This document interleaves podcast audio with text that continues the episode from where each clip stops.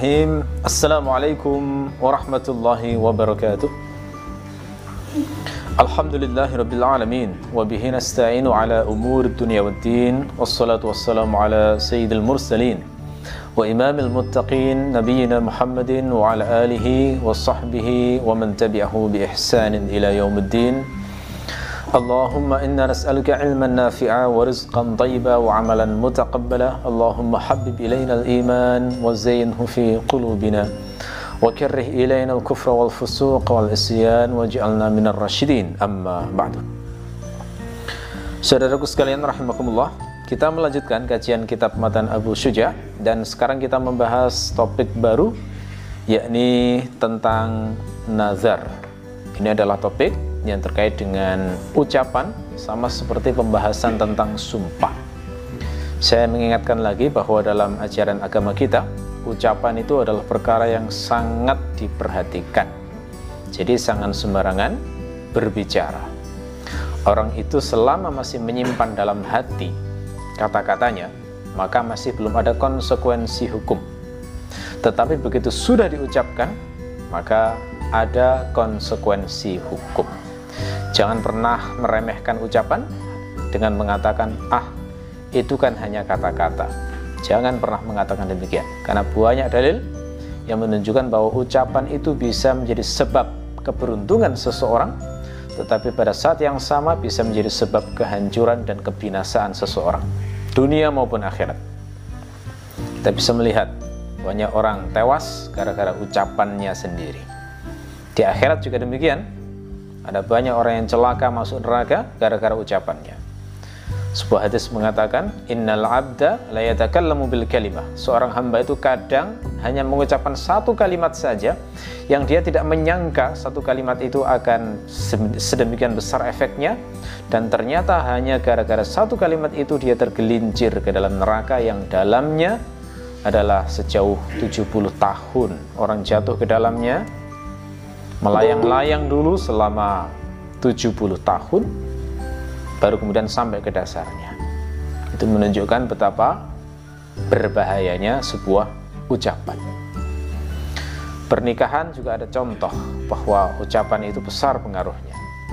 Seorang lelaki jika tanpa ikatan pernikahan menggauli seorang wanita maka jatuh hukumnya adalah perzinaan dan terhitung dosa besar tetapi dengan ucapan akad nikah. Ketika seorang wali mengatakan kepada lelaki, Ankahtuka wa zawwajtuka, aku nikahkan kamu fulanah binta fulanah bil mahri kadza, misalnya. Aku nikahkan kamu dengan fulanah binti fulan dengan mahar sekian. Kemudian si lelaki mengatakan qabiltu nikahaha wa tazwijaha bil mahril madhkur. Aku terima nikahnya dia dengan mahar sekian hanya dengan ucapan yang tidak sampai satu menit dia mengucapkannya maka berubah total seluruh hukum. Setelah itu yang awalnya haram menjadi halal awalnya maksiat menjadi amal soleh dan berpahala. Seperti itu efek ucapan. Termasuk yang kita bahas. Kemarin kita sudah membahas tentang soal sumpah. Orang begitu mengucapkan demi Allah aku akan melakukan ini. Kemudian dia melanggarnya maka ada kafarohnya. Dinamakan kafaroh, kenapa? Karena dia melakukan dosa ketika melanggar sumpahnya. Sehingga kafaroh itu fungsinya adalah untuk menghapus dosanya. Ucapan. Termasuk juga pembahasan nazar ini. Jadi nazar ini masih terkait dengan ucapan seorang hamba. Kalau masih dalam hati, keinginan dalam hati, kita bisa menyebut, eh, kita bisa menyebutnya itu adalah uh, rohbah keinginan. Ya. sebuah azam atau niat, tekad, tapi begitu diucapkan nanti munculnya beda-beda hukumnya. Ya, makanya Allah berpesan dalam Al-Quran supaya kalau ngomong itu akurat. Ya, ya ayyuhalladzina amanu qulu qawlan sadida. Wahai orang-orang yang beriman, ucapkanlah ucapan yang akurat. Sadid itu akurat, tepat. Ibarat orang memanah itu pas pada sasarannya jadi jangan sampai ngomong yang tidak akurat. Contoh ngomong nggak akurat ya itu tadi bersumpah akan melakukan ini tapi kemudian dilanggar. Itu ngomongnya tidak akurat berarti. ya bernazar aku melakukan ini setelah terpenuhi hajatnya kemudian tidak melaksanakan nazarnya itu juga dosa hukumnya tidak boleh karena sudah menggunakan nama Allah apalagi orang yang terbiasa menjaga ucapannya supaya akurat maka janji Allah adalah yuslih lakum a'malakum. Amalmu nanti akan dibenahi oleh Allah. Yang awalnya masih rusak secara hukum fikih masih kacau diberi petunjuk Allah ini loh ilmu yang benar. Jadi baik. Yang awalnya amalnya masih hancur, tercampuri ria, sum'ah, ujub, hurur, macam-macam hal yang membuat orang itu menjadi kacau amalnya, maka Allah akan memberi ilmu tentang ilmu ikhlas, tentang ilmu menjaga amal dan lain sebagainya. Itu contoh bagaimana Allah yuslih lakum a'malakum, dibenahi amal kita. Itu nikmat yang sangat besar. Kalau amal kita dibenahi oleh Allah, bukankah kita jadi punya harapan amal kita diterima oleh Allah? Si amal itu yang diperhatikan Allah adalah kualitasnya. Percuma amal yang banyak, tapi kalau nggak ada satupun yang diterima oleh Allah. Itu kuncinya adalah menjaga ucapan. Daripada keliru, mending diam. Itu ajaran utama dalam agama kita. Ya. Baik. Kita masuk sekarang ke topik pembahasan. Nazar itu bahasa Arabnya adalah an-nadhru. Bahasa Arab nazar adalah an-nazru dijamakan menjadi nuzur. Ya, an-nazru dengan mensukunkan zal. Ada satu pendapat yang mengatakan bisa dibaca dengan memfathahkan zal, nazarun gitu ya. Tetapi yang paling umum adalah an-nazru dijamakan menjadi an-nuzur wazan fu'ul. Nah, dalam bahasa Arab itu memang kadang-kadang jamak taksir itu berwazan fu'ul. Sama seperti misalnya qalbun, hati, dijamakan menjadi qulub ya qalbun menjadi qulub ya sadrun dada menjadi sudur.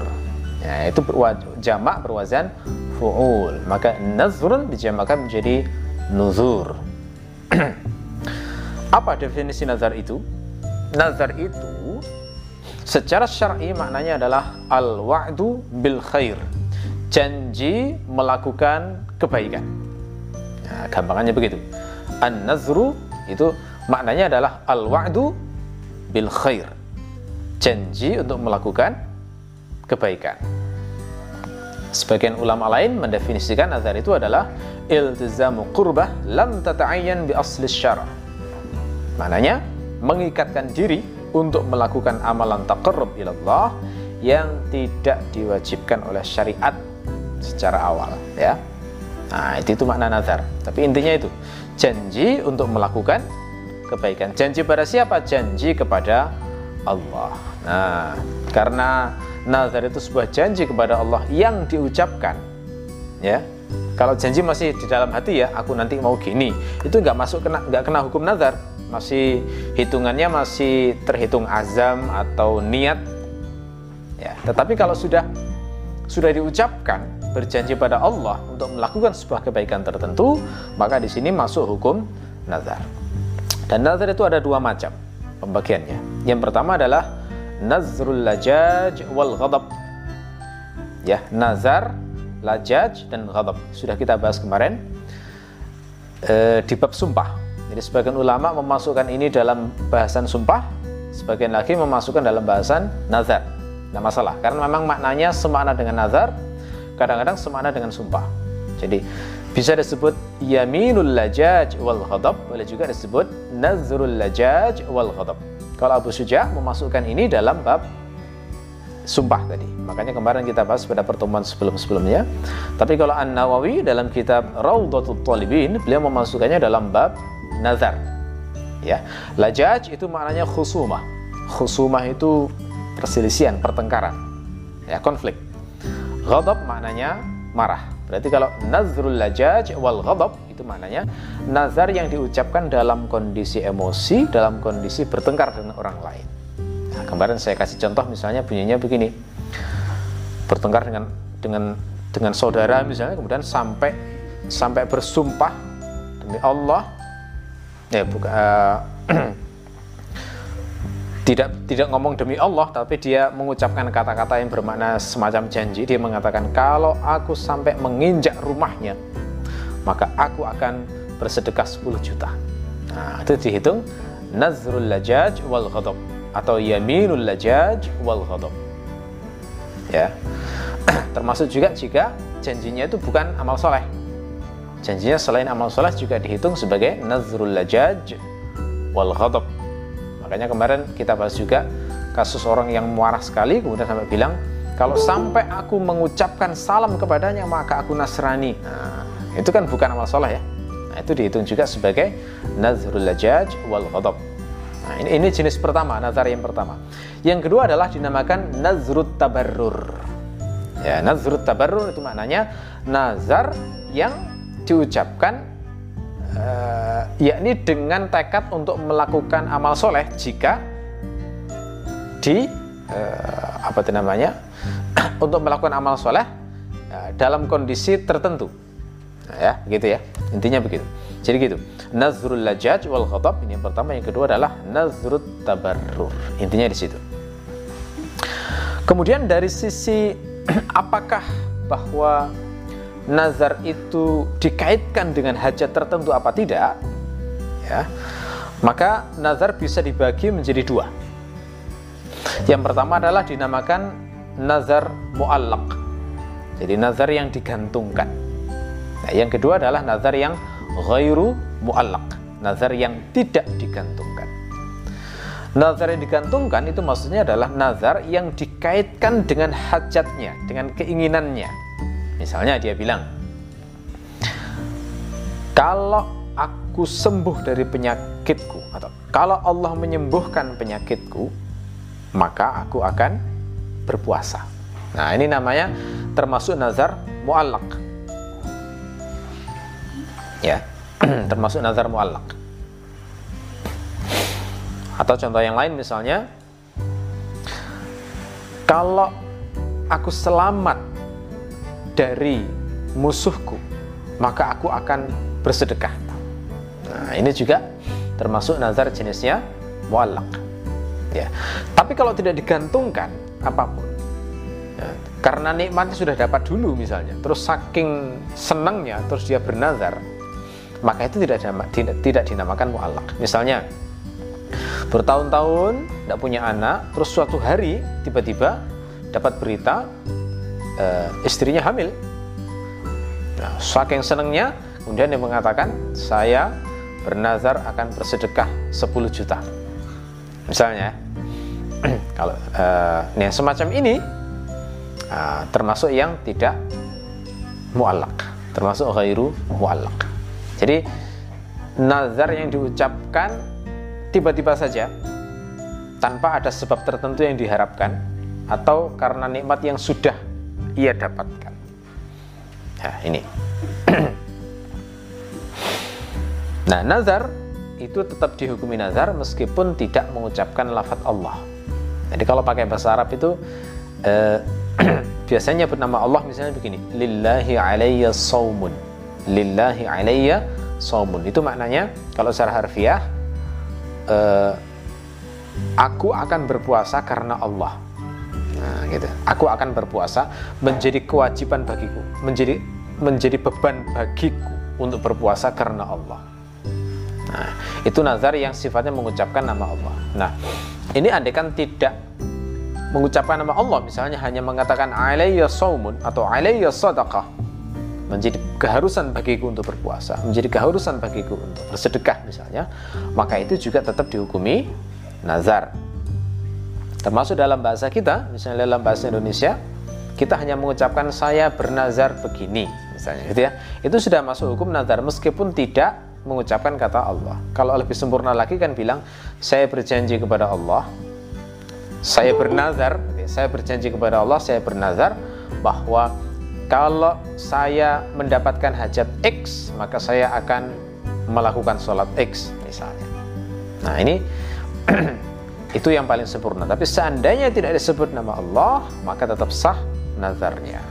Ya, itu sebagaimana pernyataan Al-Hisni dalam Kifayatul Akhyar, beliau mengatakan wa kadza law qala fa alayya wa lam yaqul lillahi 'ala sahih. Demikian pula kalau dia mengatakan menjadi tanggunganku untuk melakukan amal ini, dan tidak mengucapkan Allah, maka dalam pendapat yang terkuat itu tetap dihukumi sah sebagai nazar. Ya. Adapun syarat untuk uh, adapun uh, dalil yang menunjukkan syariat nazar dan ketentuan-ketentuannya itu banyak dalam Al-Qur'an maupun Al-Hadis. Di antaranya adalah ayat dalam surah Al-Insan ayat 7 Allah berfirman yufuna bin nazri wa yakhafuna yawman kana syarruhu mustatira mereka memenuhi nazarnya dan takut hari yang keburukannya itu merata. Nah, jadi di sini Allah menyebutkan sifat hamba Allah yang soleh itu di antaranya adalah yufuna bin nazri. Mereka memenuhi nazarnya. Nah, ini menunjukkan Allah senang dengan orang yang menjaga ucapannya. Kalau sudah mengatakan berjanji pada Allah begini, ya sudah laksanakan. Itu termasuk uh, apa itu namanya sifat dari seorang hamba Allah yang soleh. Termasuk juga ayat dalam surat Al-Hajj ayat 29. Allah berfirman, "Wal yufu nuzurahum." Hendaklah mereka memenuhi nazar-nazar mereka. Nah, ini jelas ada perintah dari Allah, kalau sudah bernazar penuhilah. Ya, itu. Termasuk juga hadis riwayat Al-Bukhari yang menunjukkan celaan Rasulullah terhadap orang yang tidak memenuhi nazarnya. Gimana hadisnya? Saya bacakan begini. Rasulullah bersabda, "Khairukum qarni thumma allazina yalunahum thumma allazina yalunahum." Qala Imran, "Fama adri." Qala Nabi sallallahu alaihi wasallam ba'da qawlihim marratain aw thalathan. Thumma yakunu ba'dahum qaumun yashhaduna wa la yustashhadun wa yakhununa wa la yu'tamanun wa yanzuruna wa la yafun wa yadhharu fihi musliman. Sebaik-baik dari kalian adalah generasiku, kemudian generasi sesudah mereka, kemudian generasi sesudah mereka. Imran berkata, saya tidak tahu Rasulullah mengucapkan sesudah ucapan pertama tadi apakah dua kali ataukah tiga kali. Setelah itu kemudian akan muncul suatu kaum yang bersaksi sementara mereka tidak dimintai untuk bersaksi. Dan mereka berkhianat dan tidak bisa dipercaya dan mereka bernazar tapi tidak memenuhi nazarnya dan tampak pada mereka kegemukan. Nah, jadi ini hadis ini menunjukkan celaan Rasulullah terhadap generasi yang kalau bernazar tidak dipenuhi nazarnya. Sudah ngomong berjanji pada Allah melakukan sesuatu, setelah dikabulkan oleh Allah, hajatnya ternyata tidak dilakukan, eh, ingkar janji ingkar janji pada Allah. Jadi orang tidak memenuhi nazarnya itu katakanlah ingkar janji kepada Allah. Ya. Ya, sedikit di sini ada mungkin ada satu lafat yang perlu saya pertajam sedikit. Jadi di sini ada kesan celaan pada orang gemuk ya. Di sini ada kata-kata wayadharu fihi musiman. Tampak pada mereka uh, kegemukan. Nah, ini harus dipahami dengan fikih ya jangan sampai keliru jangan sampai memahami berarti semua orang gemuk dibenci Allah misalnya. Tidak demikian maknanya. Uh, saya membuat artikel khusus tentang ini bisa dibaca nanti di uh, irtaki.com ya. Di sana saya eh, .net maaf irtaki.net di sana saya buat artikel kalau nggak salah judulnya perut buncit apakah tercela begitu ya. Itu saya kumpulkan semua dalil yang terkait dengan soal kegemukan ini ya ada dalil celaan maupun dalil yang tidak menunjukkan adanya celaan. Nah, kesimpulannya adalah gemuk itu ya gemuk itu kalau sifatnya genetik maka tidak tercela ya.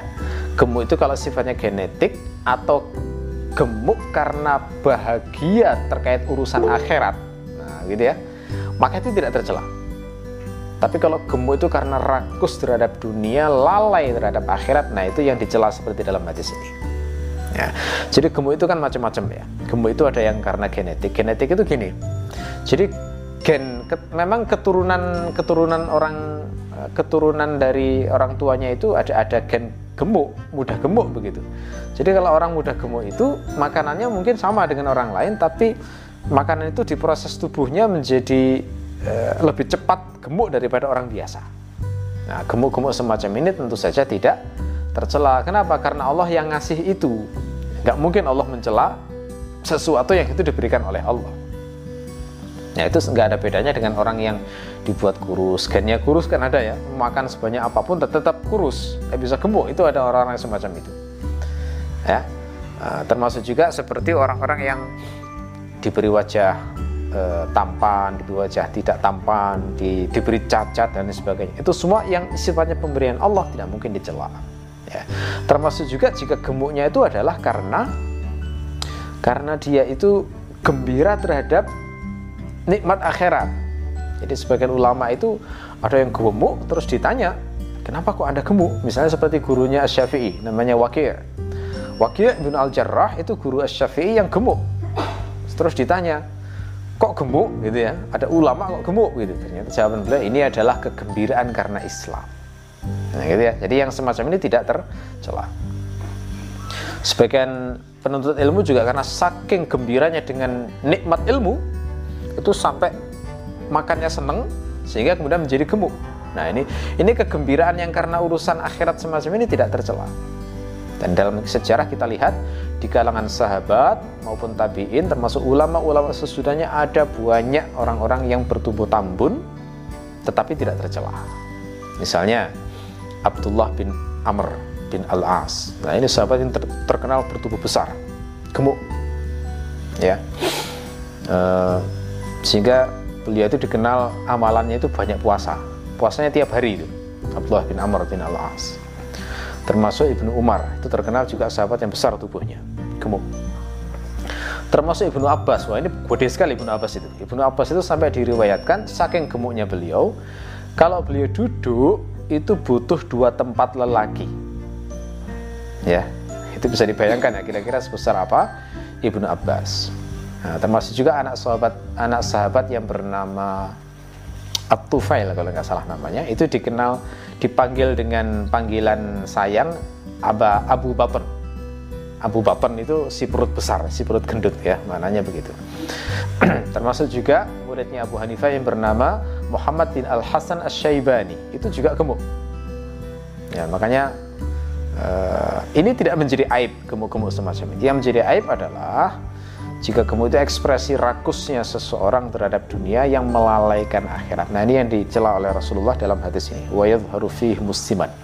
Tampak kegemukan pada mereka. Oke, kita lanjutkan ya. Itu sekilas saja tentang soal gemuk. Termasuk dalil tentang nazar adalah hadis yang diriwayatkan oleh Al-Bukhari dari Aisyah. Rasulullah bersabda, "Man nazara an yuti' Allah falyuti'hu, wa man nazara an ya'siyahu fala ya'sihi." Barang siapa bernazar untuk menaati Allah, maka hendaklah menaatinya. Dan barang siapa bernazar untuk memaks untuk bermaksiat kepadanya, maka janganlah bermaksiat kepadanya. Nah, jadi itu ya, itu dalil-dalil terpenting yang menunjukkan bahwa nazar itu diatur dalam syariat, diperhatikan hukum-hukumnya sehingga eh, ini termasuk perkara yang wajib untuk dipelajari oleh orang muslim yang pernah bernazar atau hendak bernazar. Ya. Kemudian Abu Syuja mengatakan begini, "Wan nadhru yalzamu fil mujazat ala wa ta'ah." Nazar itu sah. Ya, yalzam itu sebenarnya dari kata lazima. Lazima itu makna bahasanya adalah melekat, tidak tidak pernah meninggalkan. Itu itu mana bahasanya. Dan dalam istilah fikih sering dipakai untuk makna wajib ya dan wajib atau dimaknai sah juga bisa. Memang maknanya sah. Maksudnya sah adalah berlaku konsekuensi-konsekuensi hukum nazar. Gitu ya. Wan nazru yalzamu fil mujazat. Nazar itu sah memiliki konsekuensi hukum pada kasus nazar mujazat. Ini saya katakan tadi nazar muallak tadi Mujazat itu itu dari kata jaza. Jaza itu maknanya membalas. Ini master istilahnya adalah master yang berasal dari kata berwazan fa'ala. Ya, fa'ala. Kata yang berwazan fa'ala dalam bahasa Arab itu masternya adalah bisa fi'al, bisa mufa'alah. Contohnya, kata jahada. Jahada itu bermakna berjihad. Masternya atau jarannya itu bisa di, menjadi fi'al, bisa juga mufa'alah. Makanya jahada diubah ke masdar menjadi jihad. Bisa juga mujahadah. Nah, itu ya, rumusnya begitu. Fa'ala, fi'al atau mufa'alah. Nah, di sini kata jaza. Jaza itu maknanya membalas. Jaza itu maknanya membalas atau kafa'a maknanya. Nah, itu diubah menjadi masdar menjadi mujazat. Ya, mujazat. Jadi nazar mujazat itu adalah nazar yang diucapkan seseorang yang mana dia itu bertekad melakukan sesuatu, melakukan amal soleh jika dia mendapatkan balasan dari Allah terhadap uh, atau terbalik. Jadi uh, dinamakan nazar mujazat itu adalah uh, seseorang itu bertekad untuk melakukan amal soleh sebagai balasan nikmat Allah yang diberikan kepada dia. Ya, saya kasih contoh tadi, misalnya orang misalnya punya keinginan dia daftar sebuah pekerjaan yang diidam-idamkan. Ya, dia melalui sejumlah tes, ya, lalu kemudian tinggal pengumuman terakhir, lalu dia bernazar, kalau saya lulus tes ini, kalau saya bisa masuk diterima dalam pekerjaan ini, maka saya akan uh, sholat malam selama 10 hari berturut-turut misalnya. Gitu ya. Nah, lalu kemudian ternyata betul lulus. Nah, yang semacam ini nazarnya termasuk nazar mujazat. Jadi ada ada unsur balasan gitu ya. Jadi balasan dari kebaikan Allah mengabulkan hajatnya, lalu kemudian dia melakukan amal soleh sholat malam itu tadi. Itu namanya nazar mujazat nama lainnya adalah uh, al mukafaah jadi nazrul mujazat atau nazrul mukafaah. Yang tadi saya terangkan di awal tadi ini jenis nazar yang muallak yang digantungkan dengan hajat tertentu. Jadi ada sebabnya. Bukan bukan tiba-tiba bernazar melakukan sesuatu gitu ya. Nah, nazar semacam ini sah. Maksudnya berlaku konsekuensi hukum nazar. Konsekuensinya apa? Di antaranya tadi wajib untuk memenuhi. Kalau nggak memenuhi nanti ada konsekuensi hukum membayar kafaroh. Nanti kita kita bahas di belakang nantinya. Kemudian Abu Suja mengatakan ala mubahin wa ta'ah. Ya. ala mubahin wa ta'ah yakni uh, terkait dengan sesuatu yang mubah atau ketaatan. Nah, ini maksudnya hajatnya. Ya. Jadi nazar mujazat tadi itu bisa berlaku pada hajat yang sifatnya mubah. Ini biasanya duniawi yang semacam ini ya. Saya kasih contoh misalnya. Orang punya hajat uh, lulus ujian misalnya. ini uh, pemuda ya, anak-anak remaja misalnya begitu lulus SMA lalu kemudian mengikuti SNPTN atau SBMPTN atau ujian mandiri yang perguruan tinggi dia ingin masuk jurusan favorit ya. Lalu kemudian dia melakukan tes terus bernazar. Kalau saya keterima di jurusan yang saya inginkan maka saya nanti akan berpuasa selama seminggu misalnya. Nah ini berarti bernazar ala mubah gitu ya.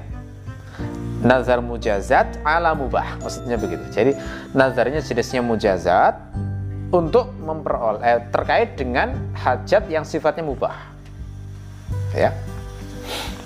Lulus ujian contoh lain misalnya diterima pekerjaan saya singgung tadi sebagai contohnya atau menikahi fulan atau fulanah bernazar misalnya. Kalau saya bisa menikahi fulan atau saya bisa menikahi fulanah maka saya akan melakukan XXX misalnya. Nah ini juga termasuk perkara mubah karena nikah adalah persoalan yang tidak diharamkan. Jadi boleh hajat semacam itu di, diizinkan. Atau sembuh dari sakit. Kalau Allah menyembuhkan saya dari penyakitku maka saya akan melakukan ini dan itu. Gitu ya. Atau misalnya bisa melunasi hutang. Ya kemarin saya dicurhati seorang eh, seseorang yang eh, terlilit hutang gitu ya. Lalu kemudian sangat berkeinginan untuk dapat itu nah, bisa melunasi. Nah seandainya dia kemudian bernazar saya bernazar kalau saya bisa melunasi utang ini maka saya akan melakukan amal soleh X misalnya. Nah ini juga termasuk perkara yang mubah sifatnya atau selamat dari bencana. Ya, selamat dari bencana. Ini pernah terjadi di zaman Nabi. Seorang wanita naik kapal laut, lalu mungkin terjadi badai sehingga dia khawatir tenggelam di sana, lalu bernazar. kalau Allah menyelamatkan saya dari badai ini, saya kembali ke rumah dengan selamat, maka saya akan berpuasa selama satu bulan. Lalu Allah menyelamatkannya, begitu sampai rumah dia lupa atau dia tidak melaksanakan nazarnya sampai mati. Lalu kemudian putrinya atau uh, saudarinya datang pada Rasulullah menanyakan hal itu. Maka Rasul memerintahkan supaya dipuasakan ibunya itu atau saudarinya itu. Nah, ini contoh ya, contoh nazar selamat dari bencana atau nazar selamat dari musuh. Nah, ini ya. Ini terutama terjadi di negeri-negeri konflik misalnya, di sana banyak serangan-serangan musuh yang sehingga memungkinkan terjadi orang bernazar yang semacam ini. Wa nah, termasuk ketaatan.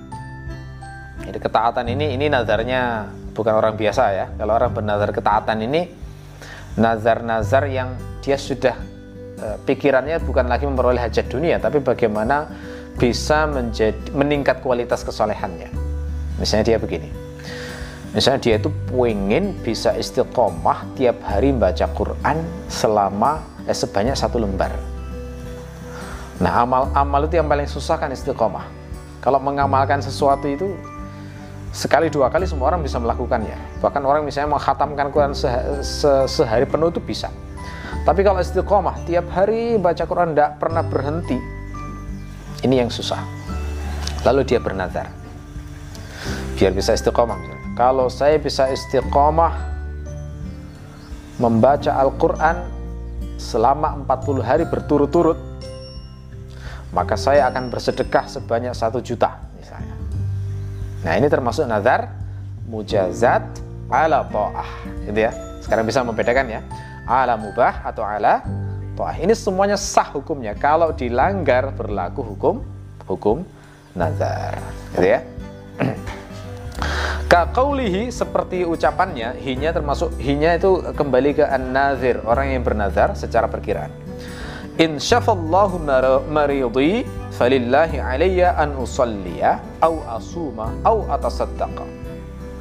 Kalau Allah menyembuhkan